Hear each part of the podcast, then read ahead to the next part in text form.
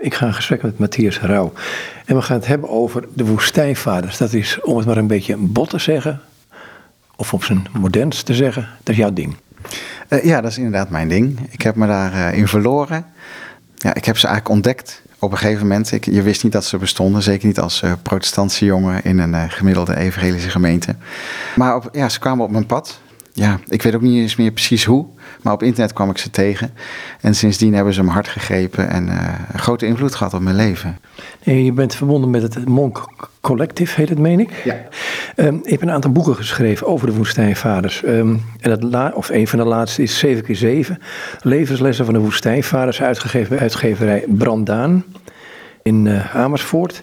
Um, maar die uh, levensles, hè? je hebt het boekje uh, onderverdeeld in poëtische theologie. Uh, dan gaat het over een aantal van die woestijnvaders. Poëmen van de Skettis, Antonius de Grote, Isaac van Nineveh.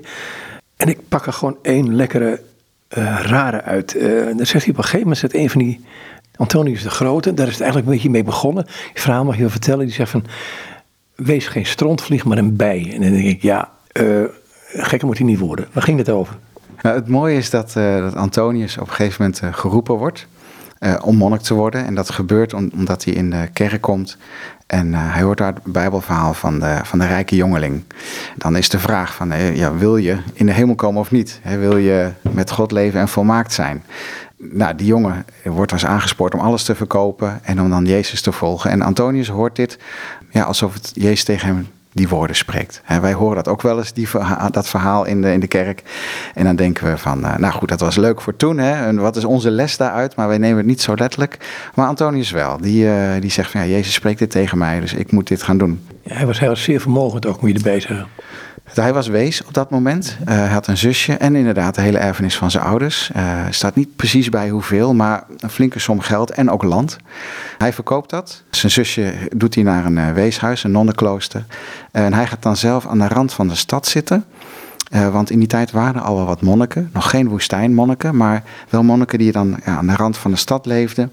En dan staat heel mooi dat hij ja, langs de verschillende monniken gaat als een soort bij. En dan ja, de mooie lessen leert van die monniken. Want niet iedereen is goed in alles. Dus van de ene leert hij dan ja, dat je s'nachts kan bidden, hè, hoe je wakker kan blijven. En van de ander leert hij ja, hoe je op een matje op de grond moet slapen, zonder uh, fancy matrassen en al die dingen. Van de ander leert hij ja, hoe je ja, eenvoudig moet eten. Dus hij leert allemaal mooi en geduld. Dus hij leert allemaal mooie uh, dingen van verschillende mensen.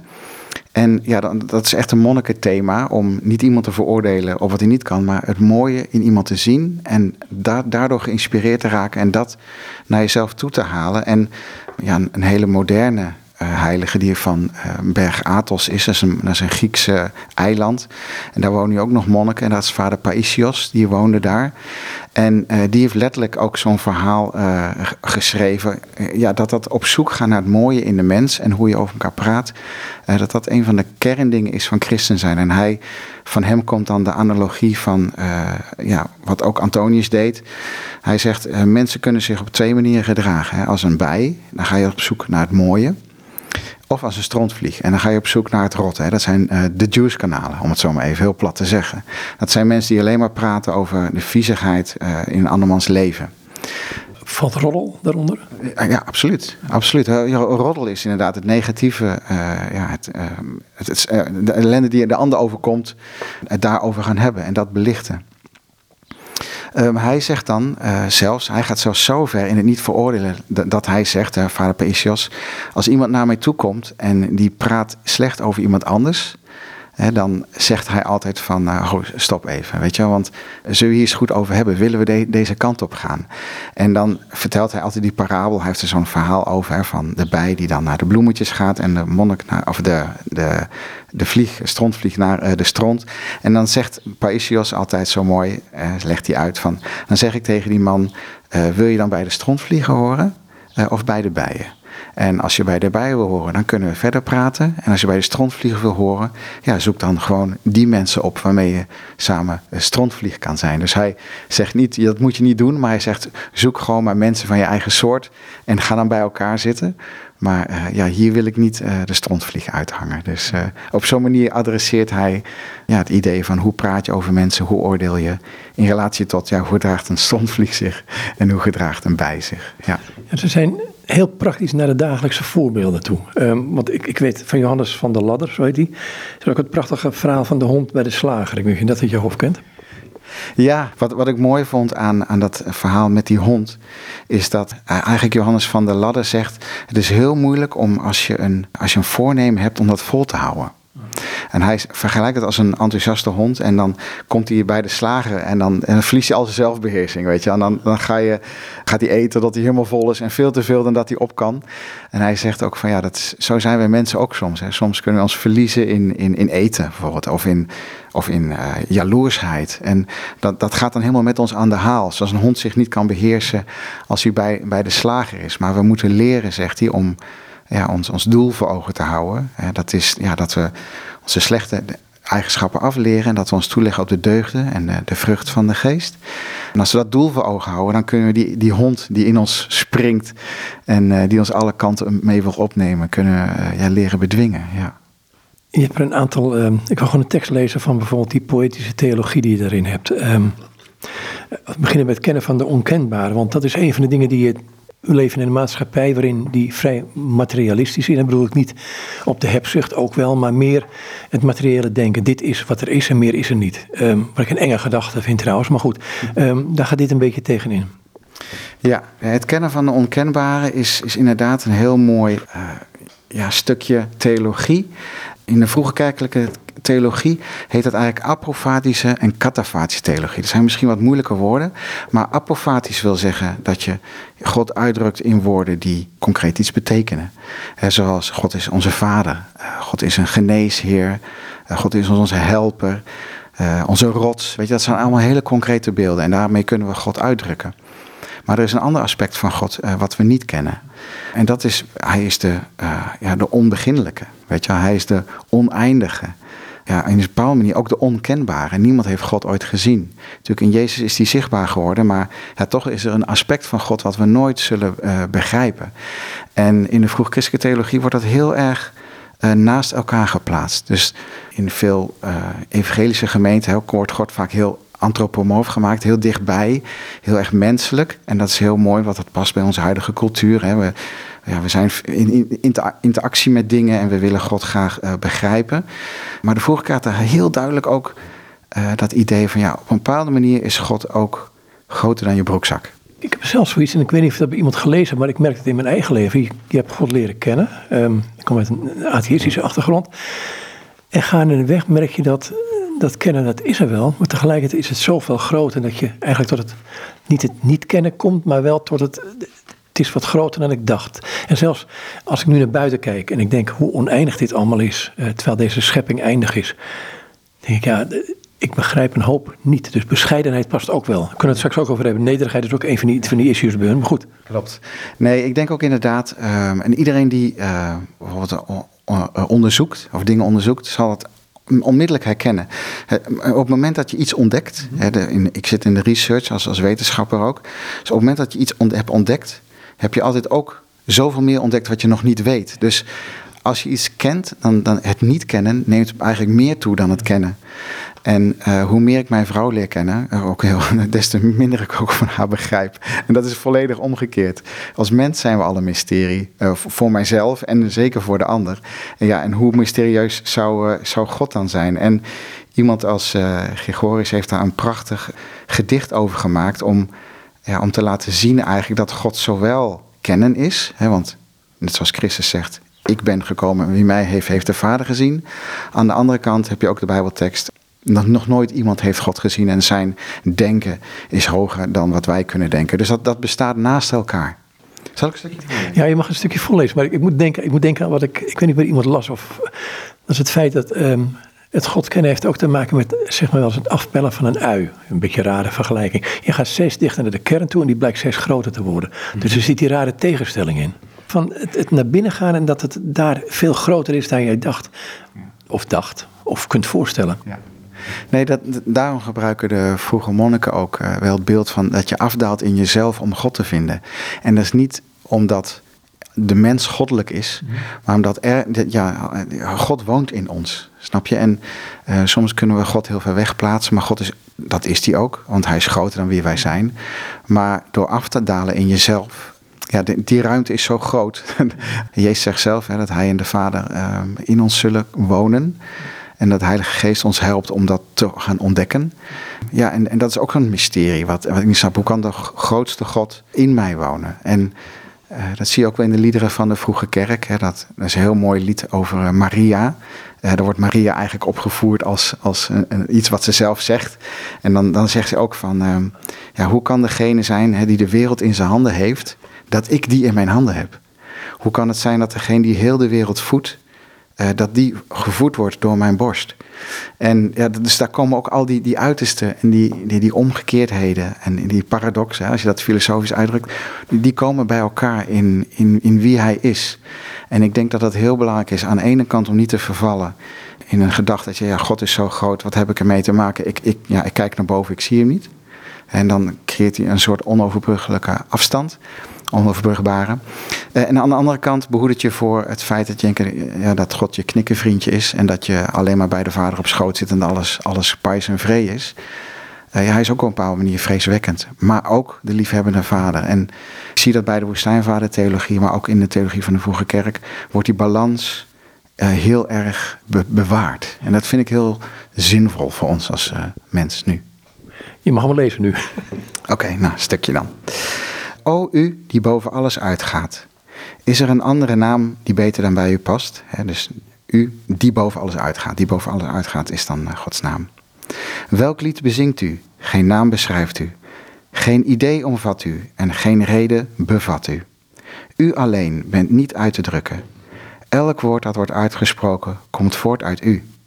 U alleen bent niet te, te doorgronden, maar elke gedachte die ontspringt komt voort uit u. Alle schepselen prijzen u, zij die spreken en zij die niet kunnen praten. Alle schepselen buigen zich voor u, zij die kunnen denken en zij die de kracht van het, de gedachte niet kennen. Het verlangen en het zuchten van heel de schepping is op u gericht. Alles wat bestaat bidt u en elk schepsel dat uw schepping kan zingen, zendt een lied van stilte op tot u.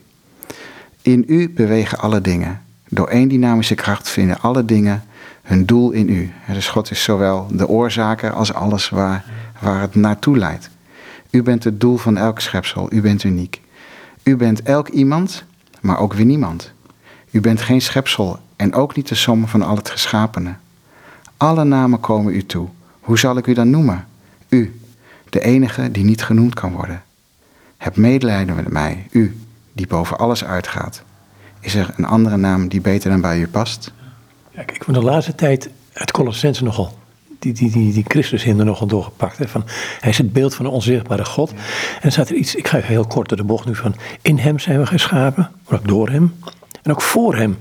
Het is zo om, alomvattend dat je, ik weet niet waar ik beginnen moet en waar ik eindigen moet. Ik kan alleen maar stil worden. Ja, mij rest ook stilte op dit moment. Nee, ik kan het ook niet uitleggen. En dat is ook, ook zo'n les van, van de woestijnvaders. Dat je soms ook dat niet weten ook oké is. Weet je, want daar begint het mysterie. Daar begint geloven. Als God echt zo groot zou zijn als de, ja, als de, de bundel dogmatiek, ja, dan heb je een hele arme God. Dus het is altijd een overtreffende trap. En het mooie is dat op een gegeven moment een stel leerlingen komen, volgens mij bij vader Antonius, een woestijnmonnik. Die zeggen van, ja, kunt u dit, dit bijbelgedeelte uitleggen? Het staat niet eens bij welk bijbelgedeelte, maar er was heel veel discussie van, wat betekent dit nou? En Antonius die, eh, die hoort het verhaal en de vraag en die zegt, nou, wat vind je er zelf van bijvoorbeeld? En nou, begint een heel verhaal, uh, dit en dit betekent het en waarschijnlijk zus en zo. Zegt vader Antonius, nou ja, nou, oké, interessant. En hij gaat naar, er waren drie mensen, gaat naar nummer, nummer twee. En wat, wat, ja, wat denk jij dan wat het antwoord is uh, op deze vraag? Van wat het betekent? Weer een heel theologisch uh, betoog en van alles en nog wat. En vader Antonius, ja, ja oké, ja, ook wel cool, mooi. En hij gaat naar, naar nummer drie en die zegt, ja vader, ik weet het echt niet. En vader Antonius zegt, de laatste die gesproken heeft, die heeft gelijk. Gaan we naar de stilte toe. Isaac van Nineveh, uit de stilte geboren. Um, die stilte is voor hun belangrijk. Um, waarom eigenlijk? Um, stilte maakt dingen zichtbaar. Dus woorden hebben de neiging om als een, uh, als een deken ergens overheen te liggen. En misschien ook soms wel de, de aandacht er ergens van af te leiden, waar, waar het eigenlijk om gaat. Soms.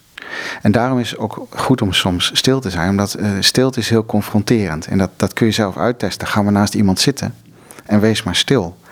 Waarschijnlijk denk je meer dan ooit tevoren. Uh, je voelt je misschien wel ongemakkelijk. op een bepaalde manier zet stilstaan, stilte eigenlijk ontzettend in beweging. En dat is waar die monniken natuurlijk op zoek naar zijn. Want zij zijn op zoek naar, uh, naar God. In het Oude Testament lees je ook al dat God vaak spreekt in stilte. Of dat in de stilte zijn stem ook hoorbaar wordt. Hè? Dus ja, dat zijn dingen die eigenlijk heel erg belangrijk zijn voor ons als hedendaagse gelovigen ook. Ja, om daar naartoe te zoeken. Vaak zoeken we het in de um, emotie, in de, ja, alles wat om ons heen gebeurt. We zijn zo gewend dat we allerlei prikkels altijd ontvangen. Maar ik zeg ook altijd, als God wat wil zeggen, dan moet je soms ook stil zijn. Want dat, dan begint iets wat luisteren heet. En dat gebeurt door je, door je mond te houden. Ja, dat is iets wat ik ook moet oefenen hoor. Ik bedoel, ik zeg dit wel alsof ik het weet. Maar ik, dat weet ik ook alleen met mijn hoofd. Want het, dat is zo moeilijk om stil te zitten en te luisteren. En als je dat gewoon zomaar doet, hè, gewoon ik ga nu stil zitten luisteren, gebeurt er ook waarschijnlijk niks. Er moet ook een soort van aandacht zijn en een gerichtheid. En dat is waar die monniken mee bezig waren. Hè. Zoals ook bijvoorbeeld het, het Jezusgebed. Heer Jezus Christus, Zoon van God, ontferm je over mij. Of een mooie uh, psalmtekst. Die ze soms ook eerst 15 minuten gewoon reciteren als een soort ademhaling. Om je gedachten ook stil te maken. Want vaak uh, als je niks uh, doet, dan ontstaan er allerlei gedachten. Dus soms moet je ook je gedachten eerst leren richten, leren focussen op één ding.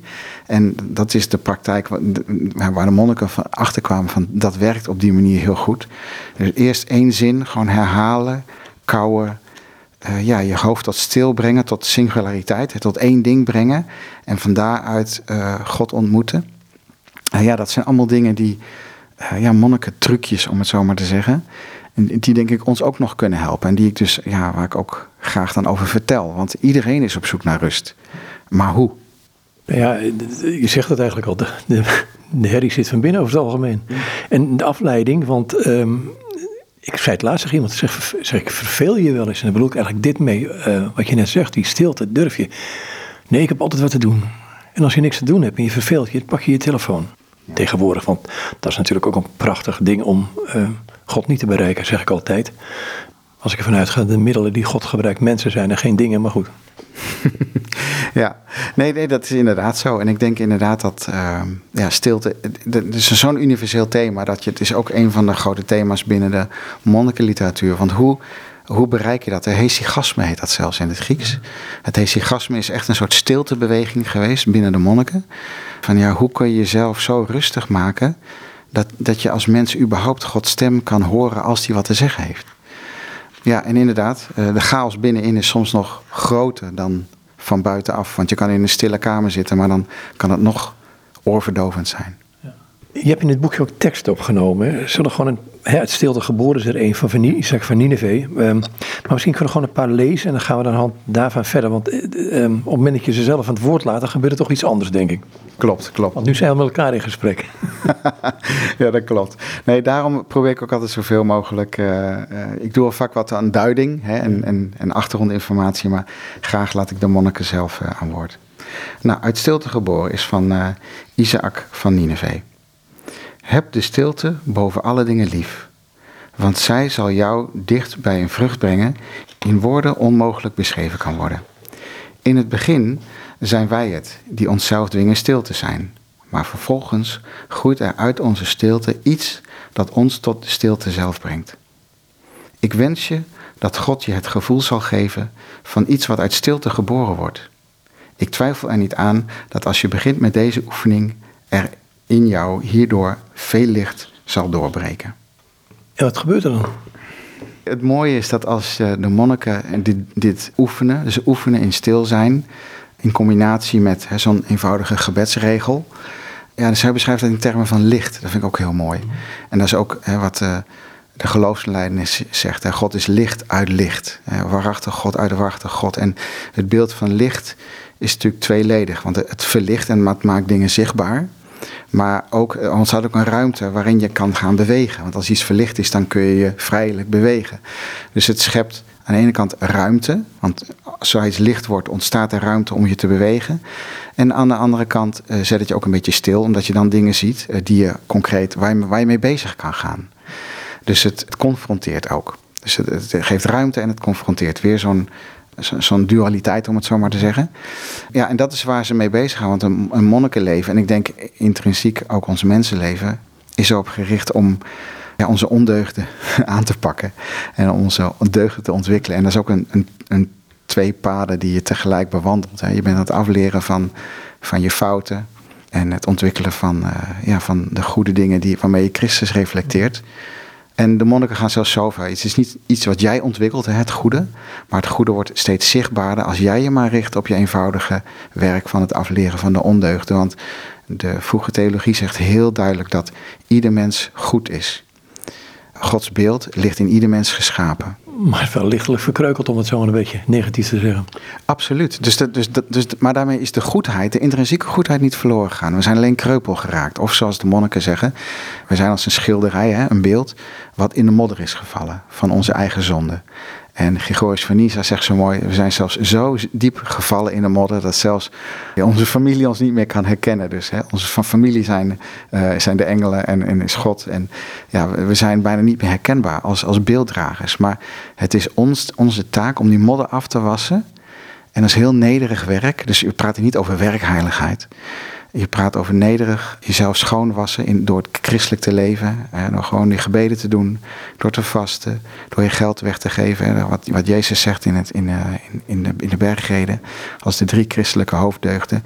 En dan worden vanzelf, wordt die vrucht zichtbaar. Want die is altijd geweest, alleen hij is mank, hij is verstoord. En het mooie is als we dus dat, eh, wij ons richten heel nederig op het af, afleren van uh, ja, onze menselijke menselijkheid in die zin, hè, de, sterfelijkheid, wat de dood ons heeft gebracht. Hè, verlangen naar onstuimig te veel eten, verlangen naar wat mijn buurman heeft, het verlangen naar, ja, noem alles maar op.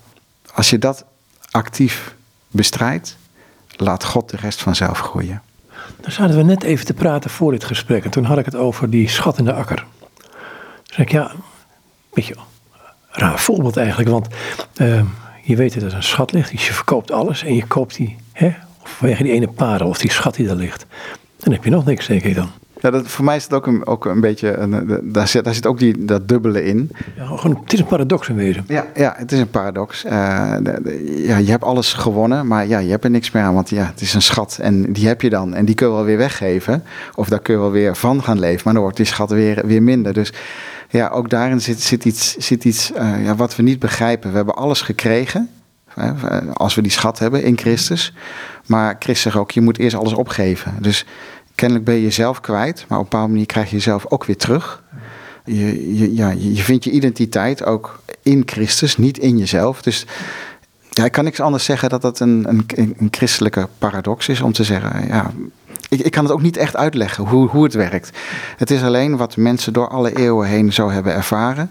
Hè, door jezelf weg te cijferen, krijg je jezelf terug. Op een, nieuwe, op een nieuwe manier. En dat kan alleen door eerst alles weggegeven te hebben. En ja, je kan het vergelijken met, uh, met, met een huwelijk bijvoorbeeld.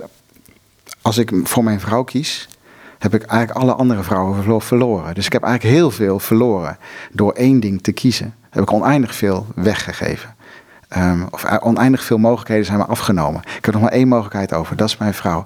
Maar daarin kan een wereld ontstaan die, die zoveel groter is dan als ik mezelf zou uitsmeren over, ik zeg maar wat, zoals Salomo, uh, over, over, over duizend vrouwen.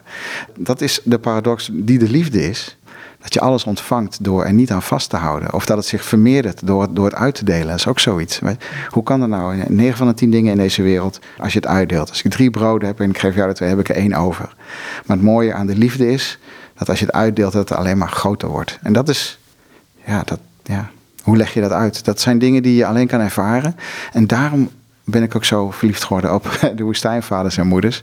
Het zijn ervaringsdeskundigen. Het zijn... Want je hebt het dan niet over welvaartsevangelie. Van als je 100 euro, hè, wat ik ook al hoort, dan krijg je er 200 voor terug. Dan denk ik van ja, uh, hm, lees ik ook nergens, maar goed. nee, ja, ik weet ook niet precies waar ze dat vandaan hebben gehaald hoor. Dat dat, dat, dat zo werkt. Dat God zegt van, uh, God, natuurlijk, God zegent wat je doet. En natuurlijk, hè, die theologie komt niet nergens vandaan. Hè. Iemand als Job, die verloor alles en God zegende hem. Abraham was ook rijk. Dus uh, natuurlijk zijn er voorbeelden te vinden van... Uh, ja, in de Bijbel van dat God je zegent en ja, als je op hem vertrouwt. Dat kan ook zijn. Maar als ik eenvoudig al naar alle apostelen ga, ik bedoel, die waren ook allemaal vertrouwden ze op God en hebben ze alles weggegeven. En ze zijn allemaal de marteldood gestorven. Dus het is geen formule, ja, behalve Johannes, die, die leefde wel na Patmos nog even door. Maar je ziet eigenlijk veel meer voorbeelden waarin die formule niet werkt. Dus ik wil dat, dat welvaartsevangelie, zoals je dat, dat noemt, dat is een soort formule. Ja, ik, nogmaals, ik, ik zie dat niet terug in de Bijbel. Maar ja, ik ben nooit zo van slecht praten over anderen. Ik praat liever over wat, wat ik denk wat juist is. En ik denk in het leven van Jezus zie je dat ook. Levens van de apostelen, levens van de leerlingen van de apostelen en van eh, de monniken. Het je toeleggen op nederigheid en, en op eenvoud. En dat is ook wat de bergreden is voor, voor mijn gevoel. Ja, dat is de weg tot God. En dat is ook de weg die Jezus ging. Hij legde ook alles af en kreeg daarmee ook alles weer terug. En dat is denk ik uh, een, een heilzamere weg om te gaan dan, dan andere manieren. Die, die, woestijnvaders, ik ga nog even naar, terug uh, naar de historische setting. Wat voor tijd leefde die? Ja, ze ontstonden zo rond 270, toen werd Antonius, uh, dat is de tijd van Antonius de Grote. Vlak voor de verdrukkingen van het Romeinse keizerrijk werden opgegeven. Dat gebeurde iets na 300. De hele beweging ontstond bij één iemand. Um, ja, en het verhaal is dus dat Antonius zich gewoon geroepen voelde.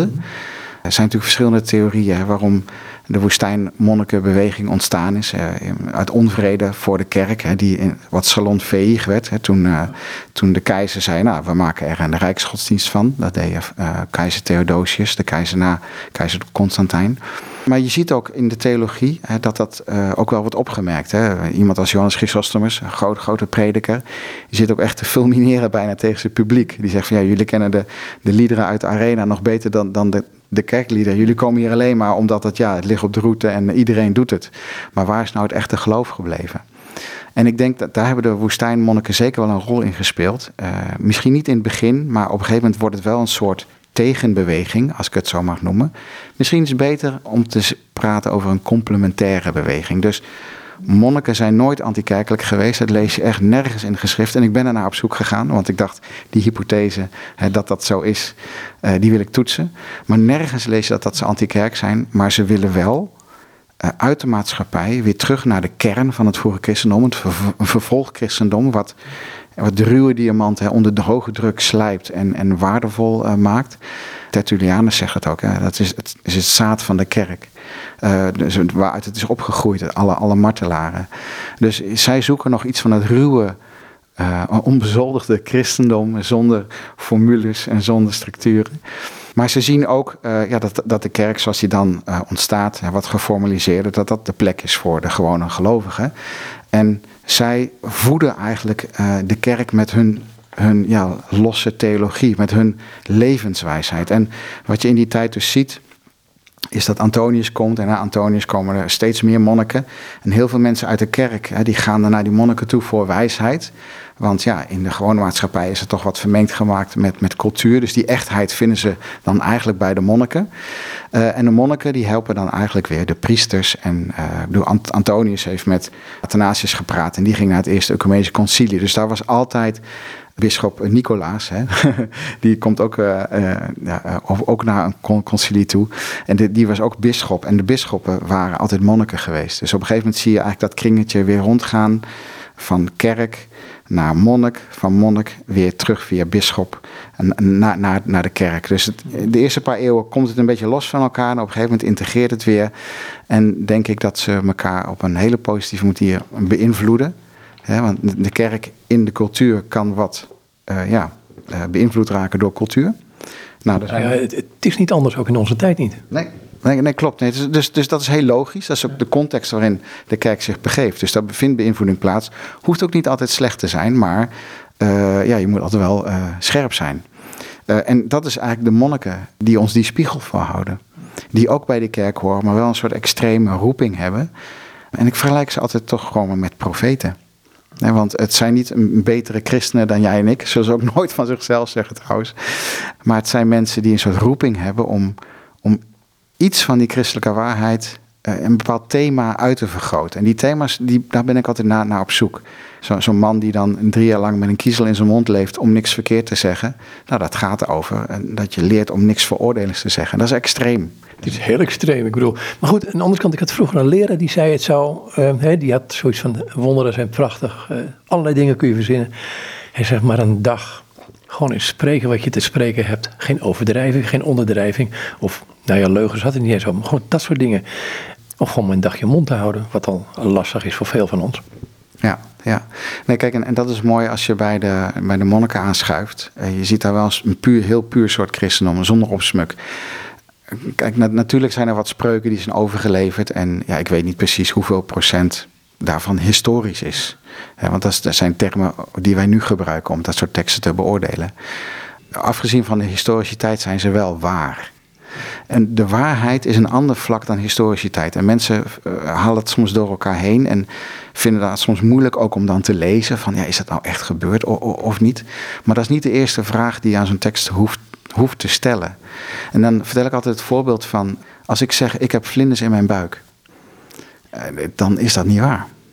Het is een feitelijke onwaarheid, maar je weet precies wat ik bedoel. dus eh, de waarheid overstijgt soms de manier waarop je dingen uitdrukt. En uh, ja, op zo'n manier lees ik eigenlijk ook deze verhalen. De eerste vraag is niet dat ik ga niet deze tekst bevragen, is het waar of niet?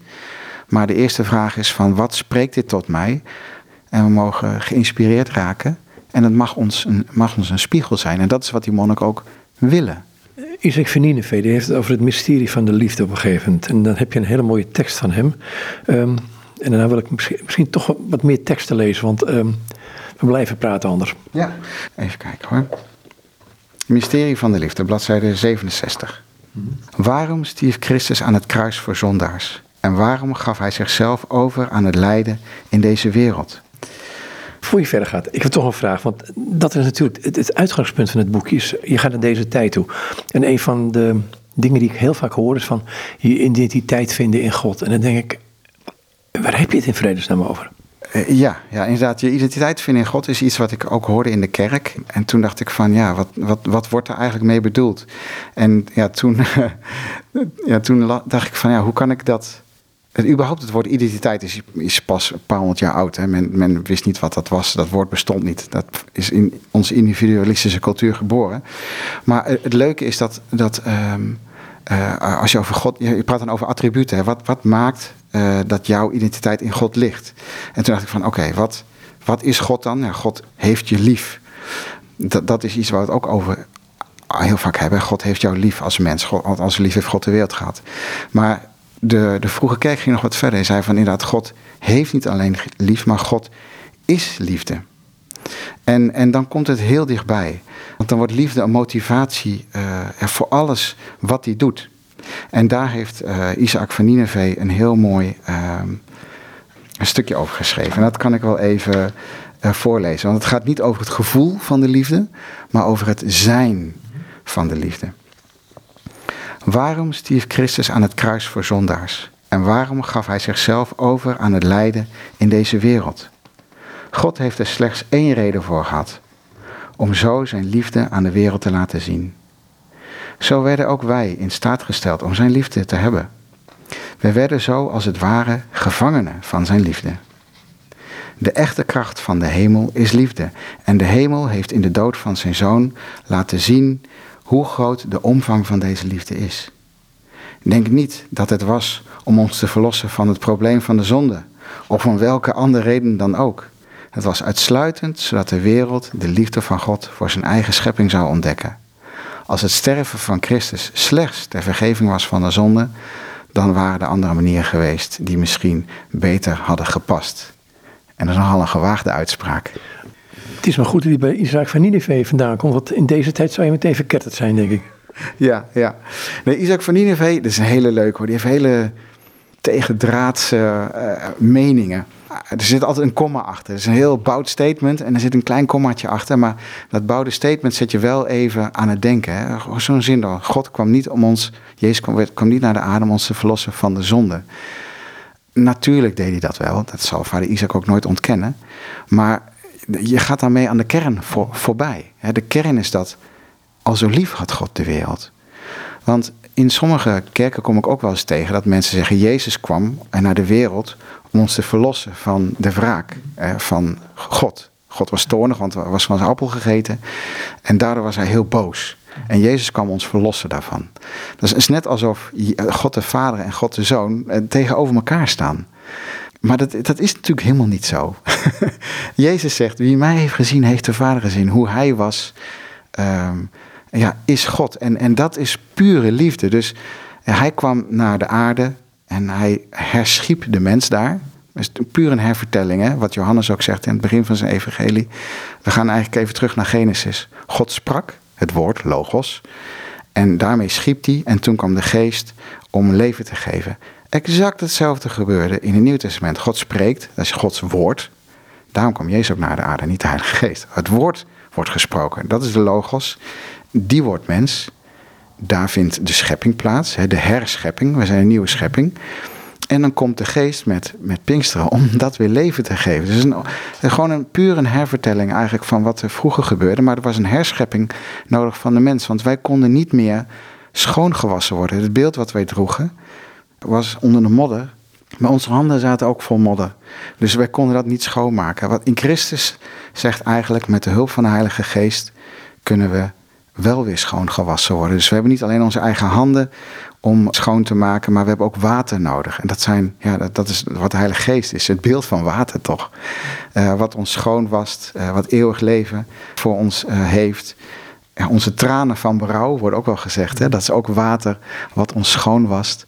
ja, en daarmee ja, kan die herschepping, krijgt een gestalte in ons. Dat is wat de liefde is. Dus ja, als je het reduceert tot een soort mechanische handeling van... oké, we waren schuldig en Jezus heeft de prijs betaald en daarmee is de schuld afgedaan. Mhm. Dat is een transactionele manier van verwoorden. En dat is niet verkeerd, maar dat is niet de kern. Dus daarom zegt Isaac, dat is, dat is het niet. dat is een bijproduct en een fantastisch bijproduct en dat is ook zo geweest. Maar de kern is de liefde. God kwam naar de aarde voor de liefde. Er zijn zelfs sommige uh, kerkvaders die zeggen, al had de mens niet gezondigd, was Christus nog mens geworden. Uit de liefde.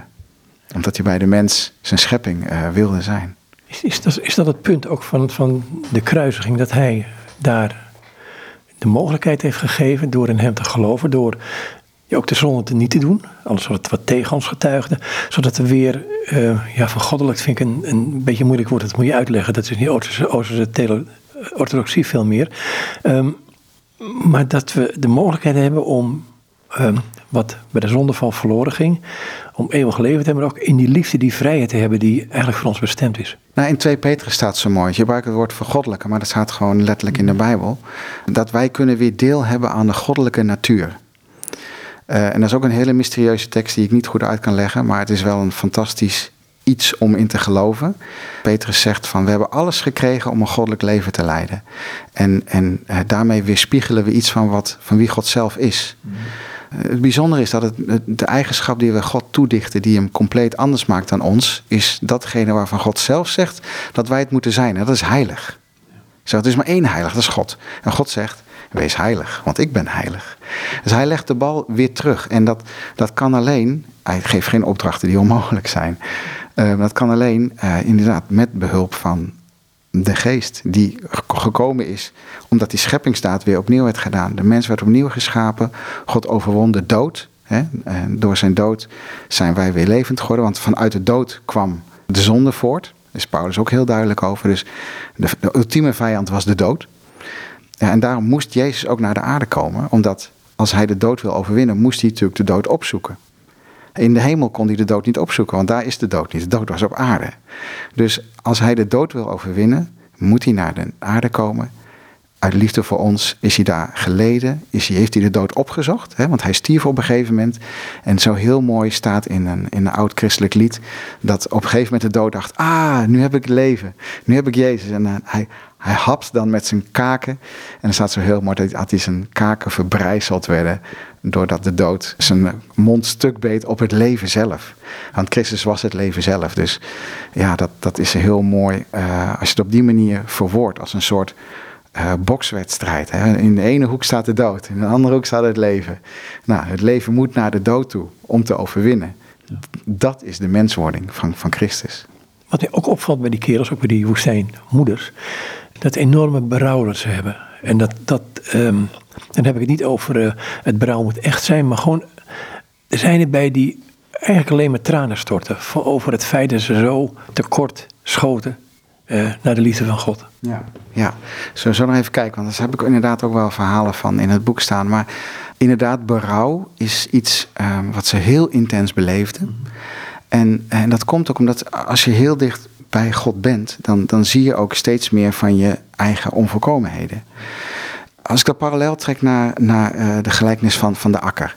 Op een gegeven moment dat je naar de akker kijkt, dan zie je daar de stenen in liggen. Dan zie je daar de distels, dan zie je daar de platgetreden paden. Dan zie je allemaal wat niet klopt. En, en het is de roeping om daarmee aan de slag te gaan. Dus uh, berouw zit hem erin dat je elke keer naar jezelf kijkt en ziet wat nog kan veranderen en wat mag veranderen. En nog sterker, nog, ja, wat, wat uit je leven moet verdwijnen, waar jij grip op hebt. En dat zijn je ondeugden. Uh, want God laat de deugden in je groeien. Dus jij bent bezig met, met, ja, met de distels uit je leven trekken. Alles wat je overwoekert. Hè, dat doe je bijvoorbeeld door stilte op te zoeken. Daar, daar leer je de, uh, ja, de stenen eruit halen. Dat, dat, waar je op stuk loopt, omdat je geen uithoudingsvermogen hebt.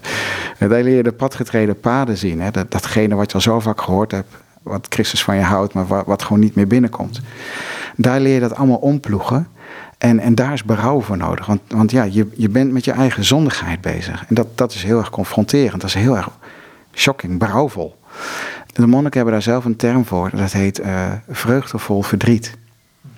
Want zij zeggen ook het moment dat je met je eigen zondigheid geconfronteerd wordt, is ook daar meteen de liefde van God om, om je daarbij te helpen. Hè? Om het überhaupt zo ver weg van je te gooien dat je niet meer weet waar, waar het is.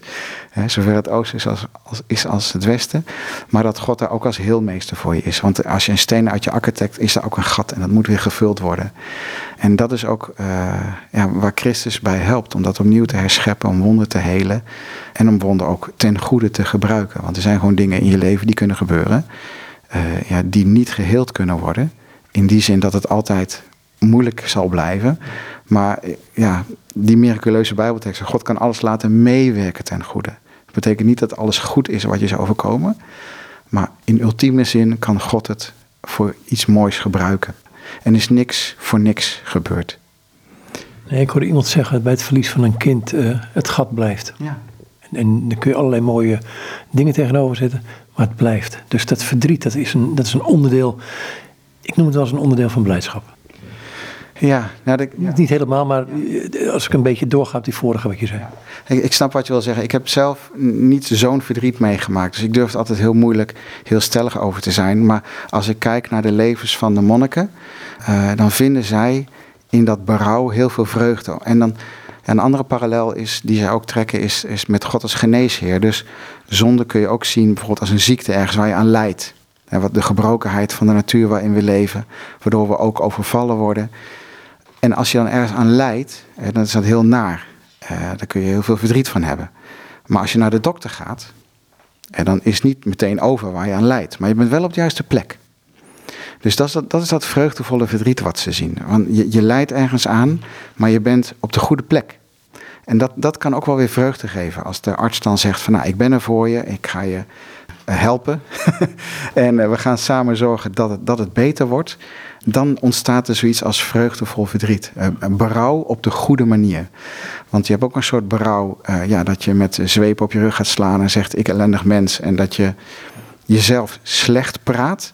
Dat is nooit de bedoeling binnen de vroege christelijke theologie. Je mag slecht over jezelf praten, hè, maar je bent ook heilig. Uh, want God houdt van je God woont in je. En dat is weer uh, ja, dat die spannende balans tussen de uitersten die gewoon worden samengebracht en waar geen eenduidig antwoord op is. Je hoeft niet in de grond te kruipen en jezelf een slecht te vinden. Je hoeft ook niet op te, ja, van de hoek staat te gaan schreeuwen: Ik ben heilig, God houdt van me. En, en, en, weet je, dus, maar het is, het is juist die balans en het spanningsveld daartussen. En dat je ene keer de ene op kant op bewogen en de andere keer de andere kant op wordt bewogen. En dat brengt de dynamiek in je geloofsleven. Van ik denk van ja, dat kunnen we ook leren van de woestijnvaders. Johannes van der Ladder, ik geef een ander punt naar het hart toe. Ehm, die zegt in een stukje, een, een, misschien wel gewoon zijn stukken lezen. Um, het gaat over essentieel gebed op een gegeven moment. En dan gaat het over bronnen en kikkers. En dan zegt hij, je hart kan je, of jij zegt, je hart kan je soms goed voor de gek houden. Daar wil ik naartoe, maar laten we eerst naar het gebed gaan. Gewoon een stukje lezen.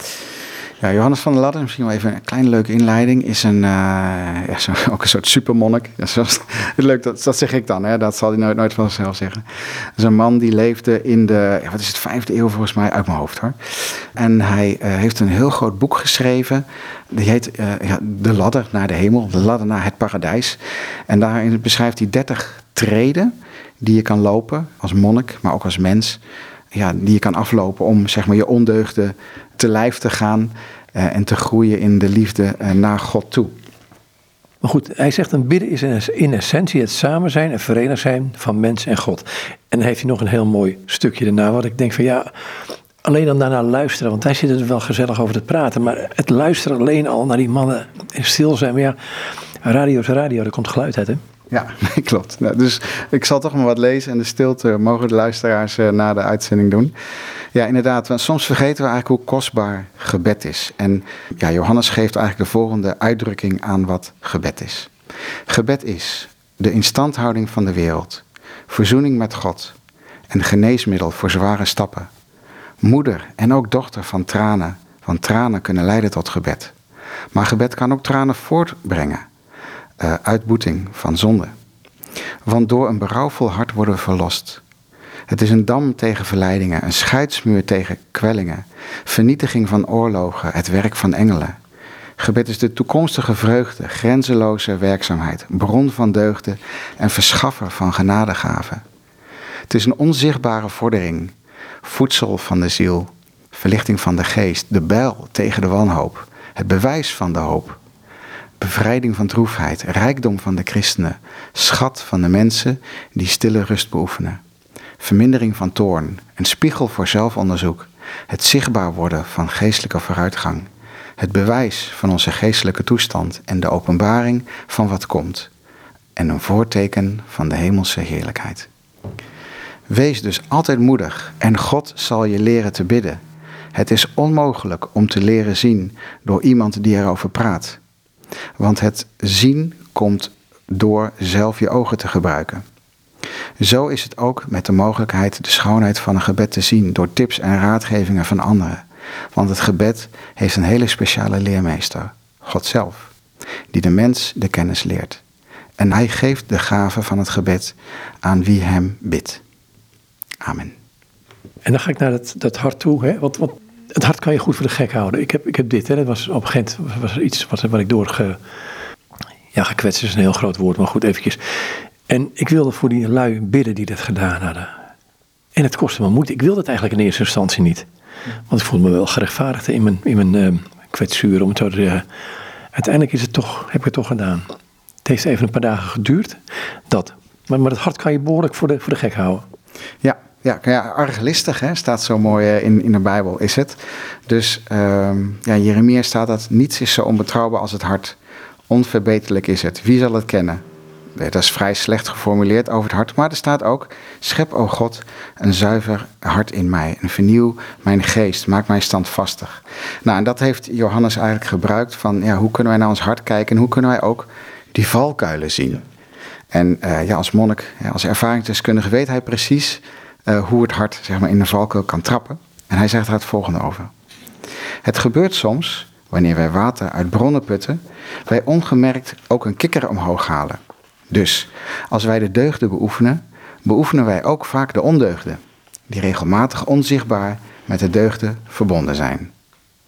En wat ik bedoel is het volgende. Met de gastvrijheid kan gulzigheid en dronkenschap verweven zijn. Met liefde kan lust verweven zijn. Met opmerkzaamheid sluwheid. En met zorgvuldigheid boosaardigheid. Met zachtmoedigheid de dubbelhartigheid en uitstelgedrag. En de luiheid en rebellie en het leven volgens eigen inzicht en gehoorzaamheid. Met stilzwijgen is het de pretentie van lesgeven verweven. Met de vreugde de verwaandheid. En de hoop kan ook lui maken.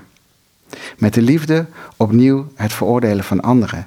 En met de stille eenzaamheid de moedeloosheid en de luiheid.